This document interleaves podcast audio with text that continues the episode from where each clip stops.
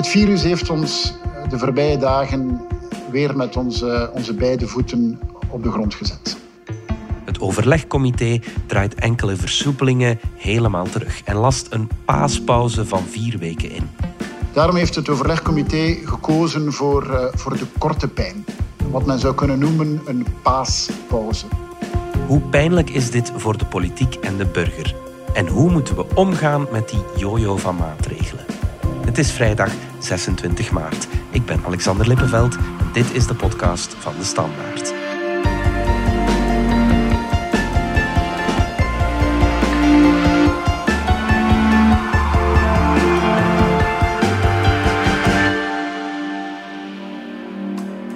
Eerst beloven dat je de scholen niet meer zal sluiten en nu gaan ze er toch een week uit. Vanaf maandag is er geen contactonderwijs meer in het lager, in het secundair en in het hoger onderwijs. De kleuterscholen die blijven wel open. Winkels sluiten, dan weer openen met strenge maatregelen en ze dan weer op afspraak laten werken. Niet-essentiële winkels, eh, vanaf zaterdag zal het zo zijn dat die wel degelijk open blijven maar dat men daar enkel kan winkelen op, uh, op afspraak. Aankondigen dat de kappers voor goed mogen opengaan, maar nu moeten ze toch hun deuren sluiten. Ten derde heeft het overlegcomité beslist om de niet-medische contactberoepen te sluiten. De buitenbubbel die van 4 naar 10 ging en nu opnieuw naar 4 gaat. Ten vierde hebben beslist om het, uh, het aantal mensen dat zich buiten mag, uh, mag ontmoeten, om dit terug te brengen naar vier personen.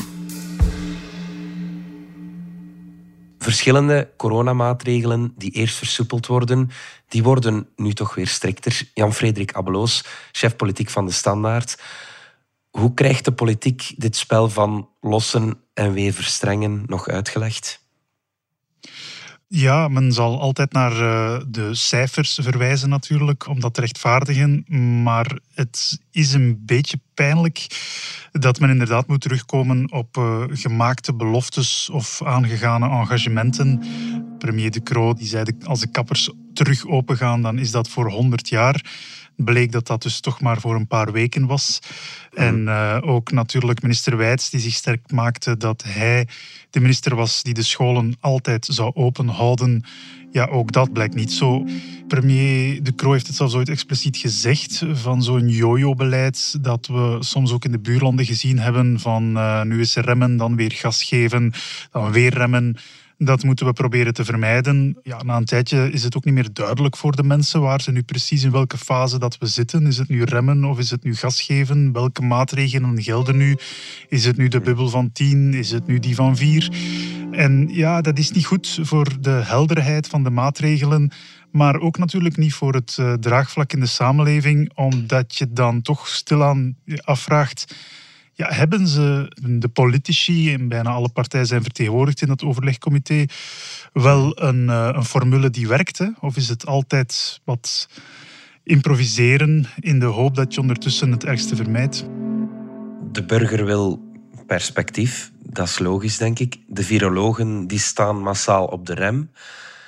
Er, die riepen wel op tot een harde lockdown op een bepaald moment. Uh, de ene al harder dan de andere hoe hard zit de politiek daarmee, daarmee gevrongen? Hoe, hoe moeilijk is dat schepperen tussen die twee visies? Ik denk dat het uh, dit keer een heel moeilijke bevalling was. Eigenlijk niet in tijd. Een paar uurtjes vergaderd, overlegcomité. Het viel al bij nog mee.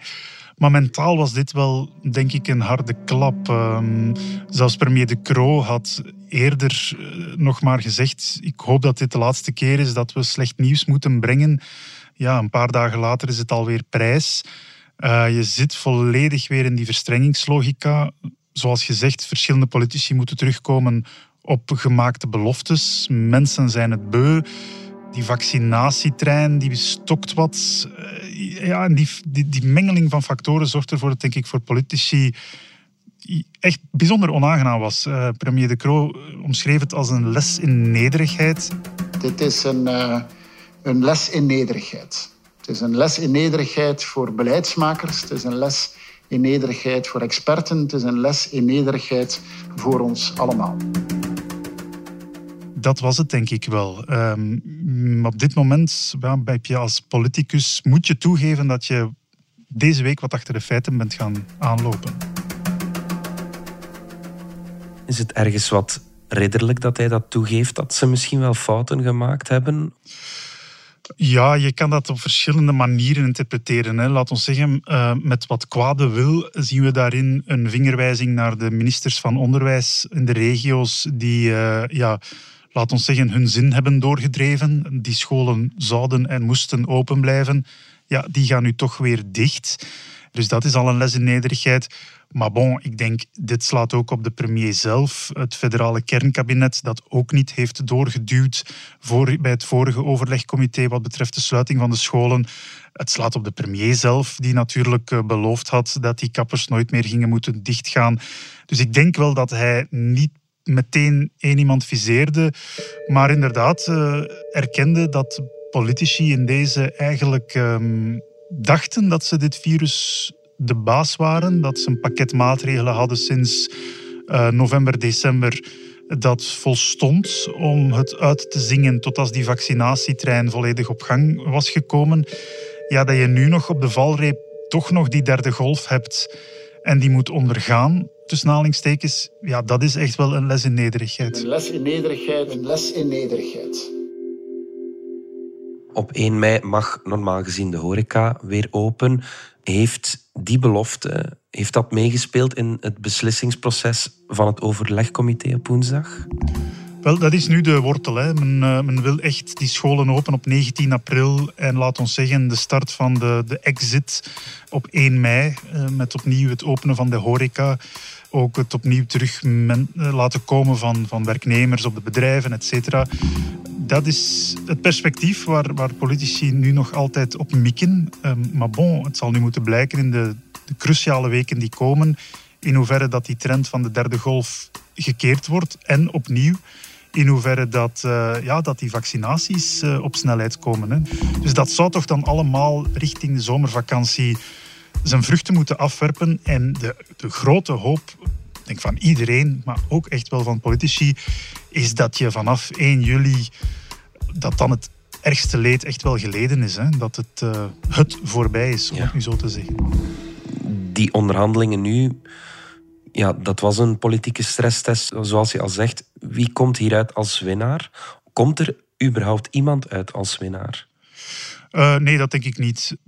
Om de, om de, simpele reden dat elk niveau moet erkennen dat ze nu beslissingen nemen die, die ze eigenlijk al een week eerder hadden kunnen nemen. Vorige week is men er niet in geslaagd om uh, al te landen op de beslissing waar men nu op landt, namelijk het, uh, het onderwijs toch al een week voor de paasvakantie sluiten.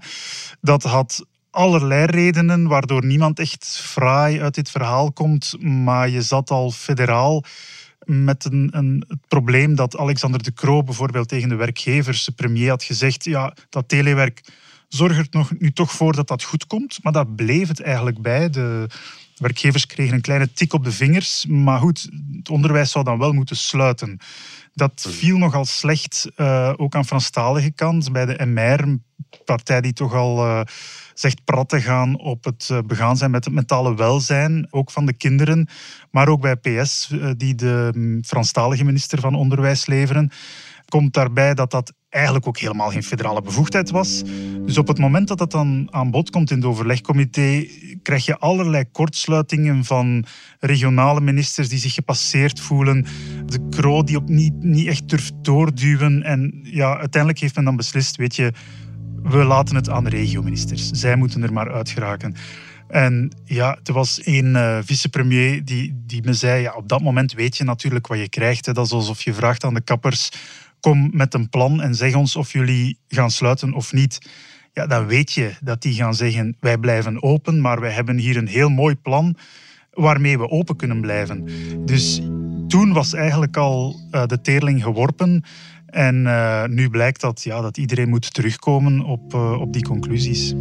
Ja. Is die vergelijking zo één op één te maken? Want je spreekt hier wel tegenover de Kappersfederatie, die geld vooral moet verdienen, die al een half jaar gesloten geweest zijn. Mm -hmm. Tegenover een minister, iemand die een ja, maatschappelijke verantwoordelijkheid heeft die natuurlijk die leerachterstand moet beperken. Maar dat, dat is toch een, een heel andere situatie. Hebben, dat, is, ja? dat, nee, dat klopt. Maar natuurlijk, um, en dan, dat is een extra element inderdaad dat je terecht aanstipt. Um, tot nu toe was de logica ook, en dat, dat bemoeilijkte de discussie, tot nu toe was de logica, we gaan die scholen altijd open houden. We doen eigenlijk allerlei verstrengingen net om die scholen open te houden, net om bedrijven open te houden en om de zorg te ontlasten.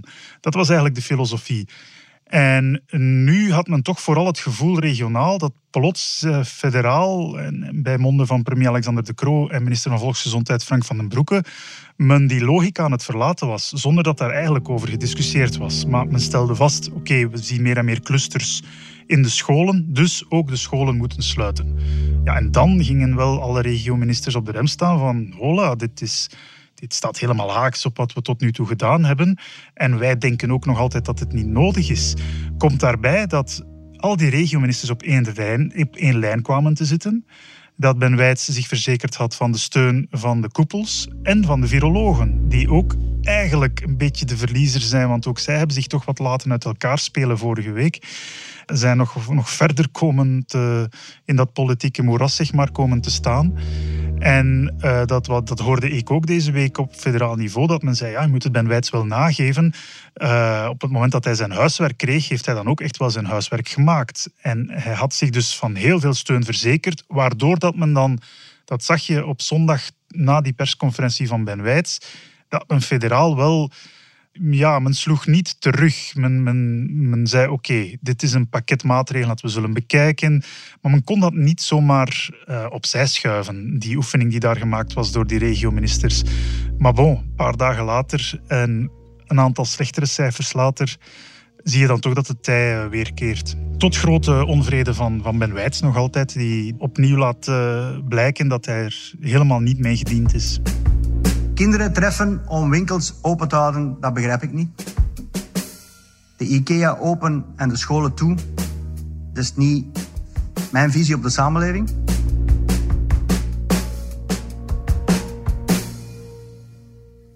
En wat doet dit nieuwe pakket maatregelen met ons hoofd? Maatregelen versoepelen om ze kort daarna weer te verstrengen, terwijl iedereen snakt naar een helder perspectief. Dat is niet goed voor ons mentaal welzijn en onze motivatie om samen het coronavirus in te dammen. Dat stelt motivatiepsycholoog Maarten van Steenkisten vast. Ik denk dat de stijgende cijfers natuurlijk wel in ons voordeel zijn om de mensen gemotiveerd te houden. En dat is eigenlijk al de hele crisis zo geweest. Hè. Dat we wat achter de cijfers aanhollen, ook in termen van motivatie en gedrag. Dus dat spreekt in ons voordeel. Langs de andere kant natuurlijk zie je wel dat vandaag het risicobewustzijn, dus het besef van oké, dit is een fragiele situatie, eh, dat dat eigenlijk lager staat in vergelijking met een vergelijkbaar punt zoveel maanden terug, waar de hospitalisatiecijfers even sterk aan het stijgen waren. En de, dat denk ik komt ook omdat het feit dat je, ja, natuurlijk mensen worden dagelijks platgeslagen met informatie, ze keren zich er misschien vanaf. Ze denken van oké, ze weten niet meer hoe ernstig dat de situatie is. Iets anders zou kunnen zijn dat ze eigenlijk wat gewend zijn geworden daaraan en dat de drempel vooraleer dat je eigenlijk zegt, oké, dit is een ernstige situatie, dat die drempel veel hoger ligt. Of een derde iets zou kunnen zijn, ja, oké, al die stemmen ook, politiek dan, die pleiten voor versoepelingen. Ja, dit zorgt natuurlijk ook niet voor het versterken van dat besef dat dit vandaag uh, een, een, moeilijke situatie blijft. Ja, dat zorgt ervoor, denk ik, dat dat, dat risicobesef nog niet helemaal doorsteekt. Dat de motivatie bij veel jongeren helemaal zoek is, valt ook af te leiden uit de duizenden studenten die al een paar avonden na elkaar samen feesten op het Gentse Sint-Pietersplein. De politie moest het plein telkens ontruimen.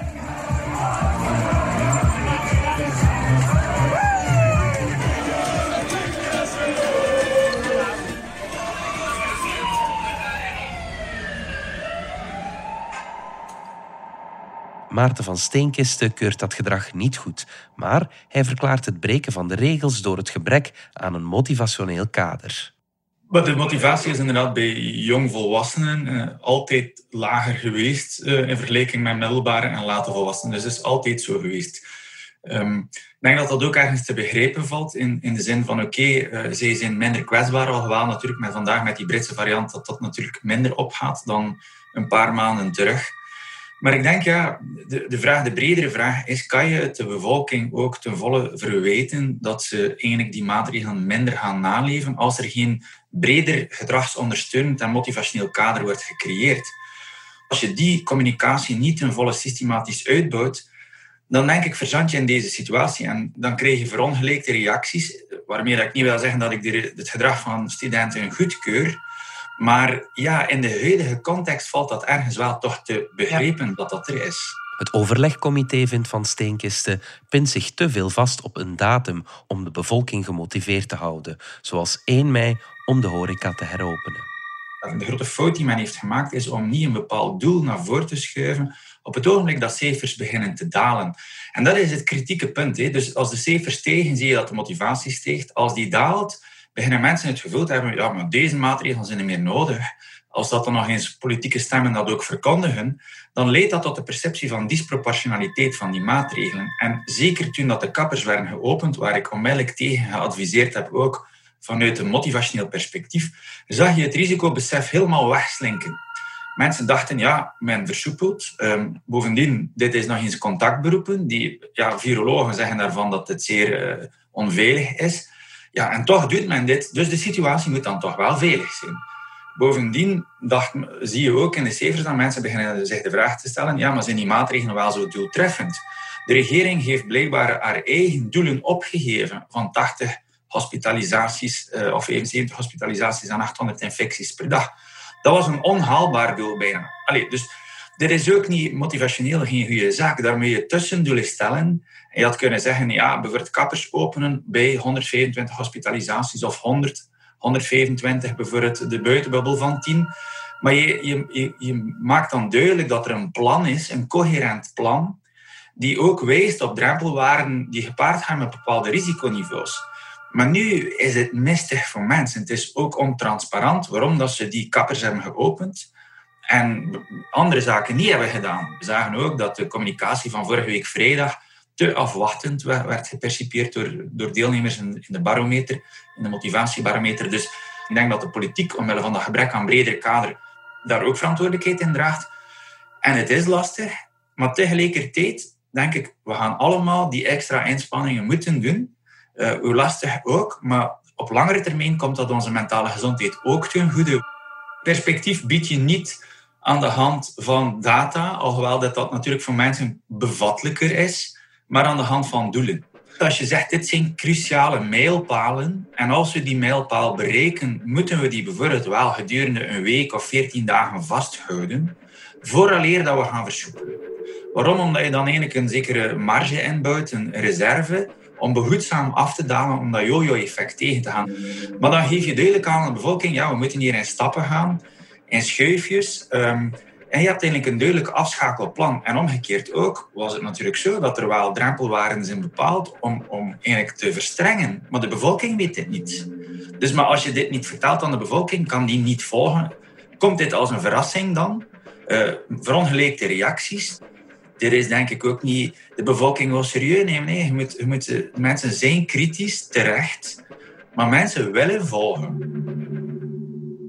Over de jongeren is al erg veel verteld, ook deze week met de sluiting van de scholen. Van Steenkisten waarschuwt dat we ook in deze strengere lockdown het mentale welzijn van kinderen en jongeren niet uit het oog mogen verliezen.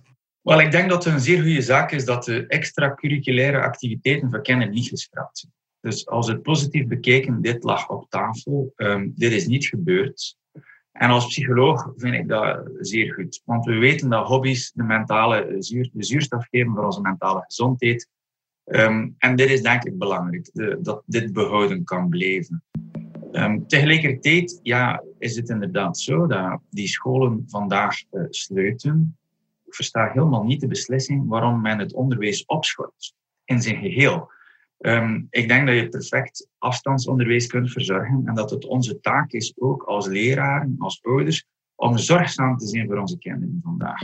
En dat betekent ook een oproep aan het onderwijs om volgende week ook te durven taken mee te geven naar, huis. Daarom niet een grote waslijst met wat keuze daarin, wat creatieve dingen voor daginvulling te zorgen. En van de week gebruik te maken om corona-groeigesprekken te voeren. Laten we eens een keer echt in contact komen met die kinderen. Niet alleen wat missen ze, wat is er lastig, maar ook wat hebben we geleerd uit deze crisis. Je bent misschien dichter bij jezelf gekomen. Wat heb je gemist en wat is daarom belangrijk in je leven? Wat vind je, wat vind je plezant aan deze periode? Maar laat ons echt dichter bij kinderen komen om van daaruit ook te zien wat de leerproblemen zijn, want er is leervertraging ook. Dus het is eigenlijk onbegrijpelijk dat men beslist heeft om in één beweging Hans het onderwijs op te schorten voor een week. Je ziet dat dat bij kinderen uh, meer onder druk staat vandaag. Dus uh, ik kreeg allerlei signalen. Ja, dat is dan natuurlijk deels allee, anekdotische signalen van, van inderdaad de, ja, de druk die, die bij psychologen toeneemt ook, de wachtlijsten. signalen echt dat kinderen er inderdaad wel doorzitten.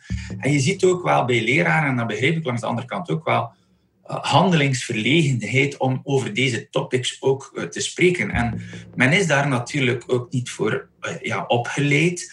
Maar vandaag niets doen, is, dit kan niet. Kom aan. Allee, dit is ook een bijzonder voor een, voor eigenlijk een, een, onderwijsminister die zelf zegt dat de lat hoger moet liggen in het onderwijs. Als ik dat even zo scherp stel, is dit eigenlijk ja, zeer moeilijk te begrijpen wat, er nu, wat de mm. beslissing is. De overheid laat volgens Maarten van Steenkist de kansen liggen om de bevolking te stimuleren, om de coronamaatregelen te volgen en ons mentale welzijn te verbeteren. Waarom moet je alleen motiveren op het ogenblik dat je een beslissing neemt? Nee, je moet wekelijks motiveren. Allee, je moet wekelijks een update geven rond uh, vaccinaties, testing en tracing. Rond... En laat ons eens een helikopterperspectief bieden op het einde van een week. Een cacophonie van stemmen, iedere week opnieuw. Mensen geraken verzopen in de informatie. En mensen keren zich af. Maar wat je eigenlijk kan zeggen is bijvoorbeeld op donderdag, ik geef maar een voorbeeld, doen we een update en we vragen uw aandacht die donderdag. En we geven een breder plan waar we allemaal mee samen zijn, wat ook de werken zijn in progress. Want er is natuurlijk ook van alles dat lopende is. Maar, maar mensen denk ik ook ergens aangeven van oké, daar is er inderdaad een, een uh, zijn we mee, mee bezig met dit project, met een ander project. Dit geeft ook vertrouwen. Hetzelfde bijvoorbeeld uh, na de, nadat mensen nu gevaccineerd zijn, zitten ze 15 minuten te wachten men, men, spreekt over het medische. Ja, doet het, heeft u last? Allemaal goed en wel, maar er is meer dan dat alleen, jongens. Laten we daar een keer systematisch werk van maken. De coronacrisis wordt vaak vergeleken met een marathon. Maar er is één groot verschil. Die laatste inspanning is de lastigste. Allee, in de marathon, ik heb zelf een paar marathons gelopen, maar iedereen weet dat in de marathon de lastigste kilometers zijn die vanaf kilometer 35. En dat is inderdaad het moment waarop dat je toch de, de krachten moet bundelen om die eindmeet te halen. Maar als de eindmeet niet duidelijk is, wat dat eigenlijk het geval is hier, hoe kun je dan mensen stimuleren om die eindmeet te halen? Dit, dit lukt niet. Maar mensen denken dan, ah, maar de eind, eindmeet ligt bij kilometer 35. En anderen zeggen, ja, maar bij 36. En de virologen zeggen bij 42. Ja, maar dan is de discussie over waar dat de eindmeet ligt. Dus laat ons die eindmeet bepalen zodat daar daarover al geen discussie hoeft te, gevoerd te worden en systematisch samen toewerken met een, in een collectieve inspanning naar die eindmeet. Dit was de podcast van De Standaard. Bedankt voor het luisteren. Reageren kan via podcast.standaard.be. Alle credits vind je op standaard.be-podcast. Maandag zijn we opnieuw.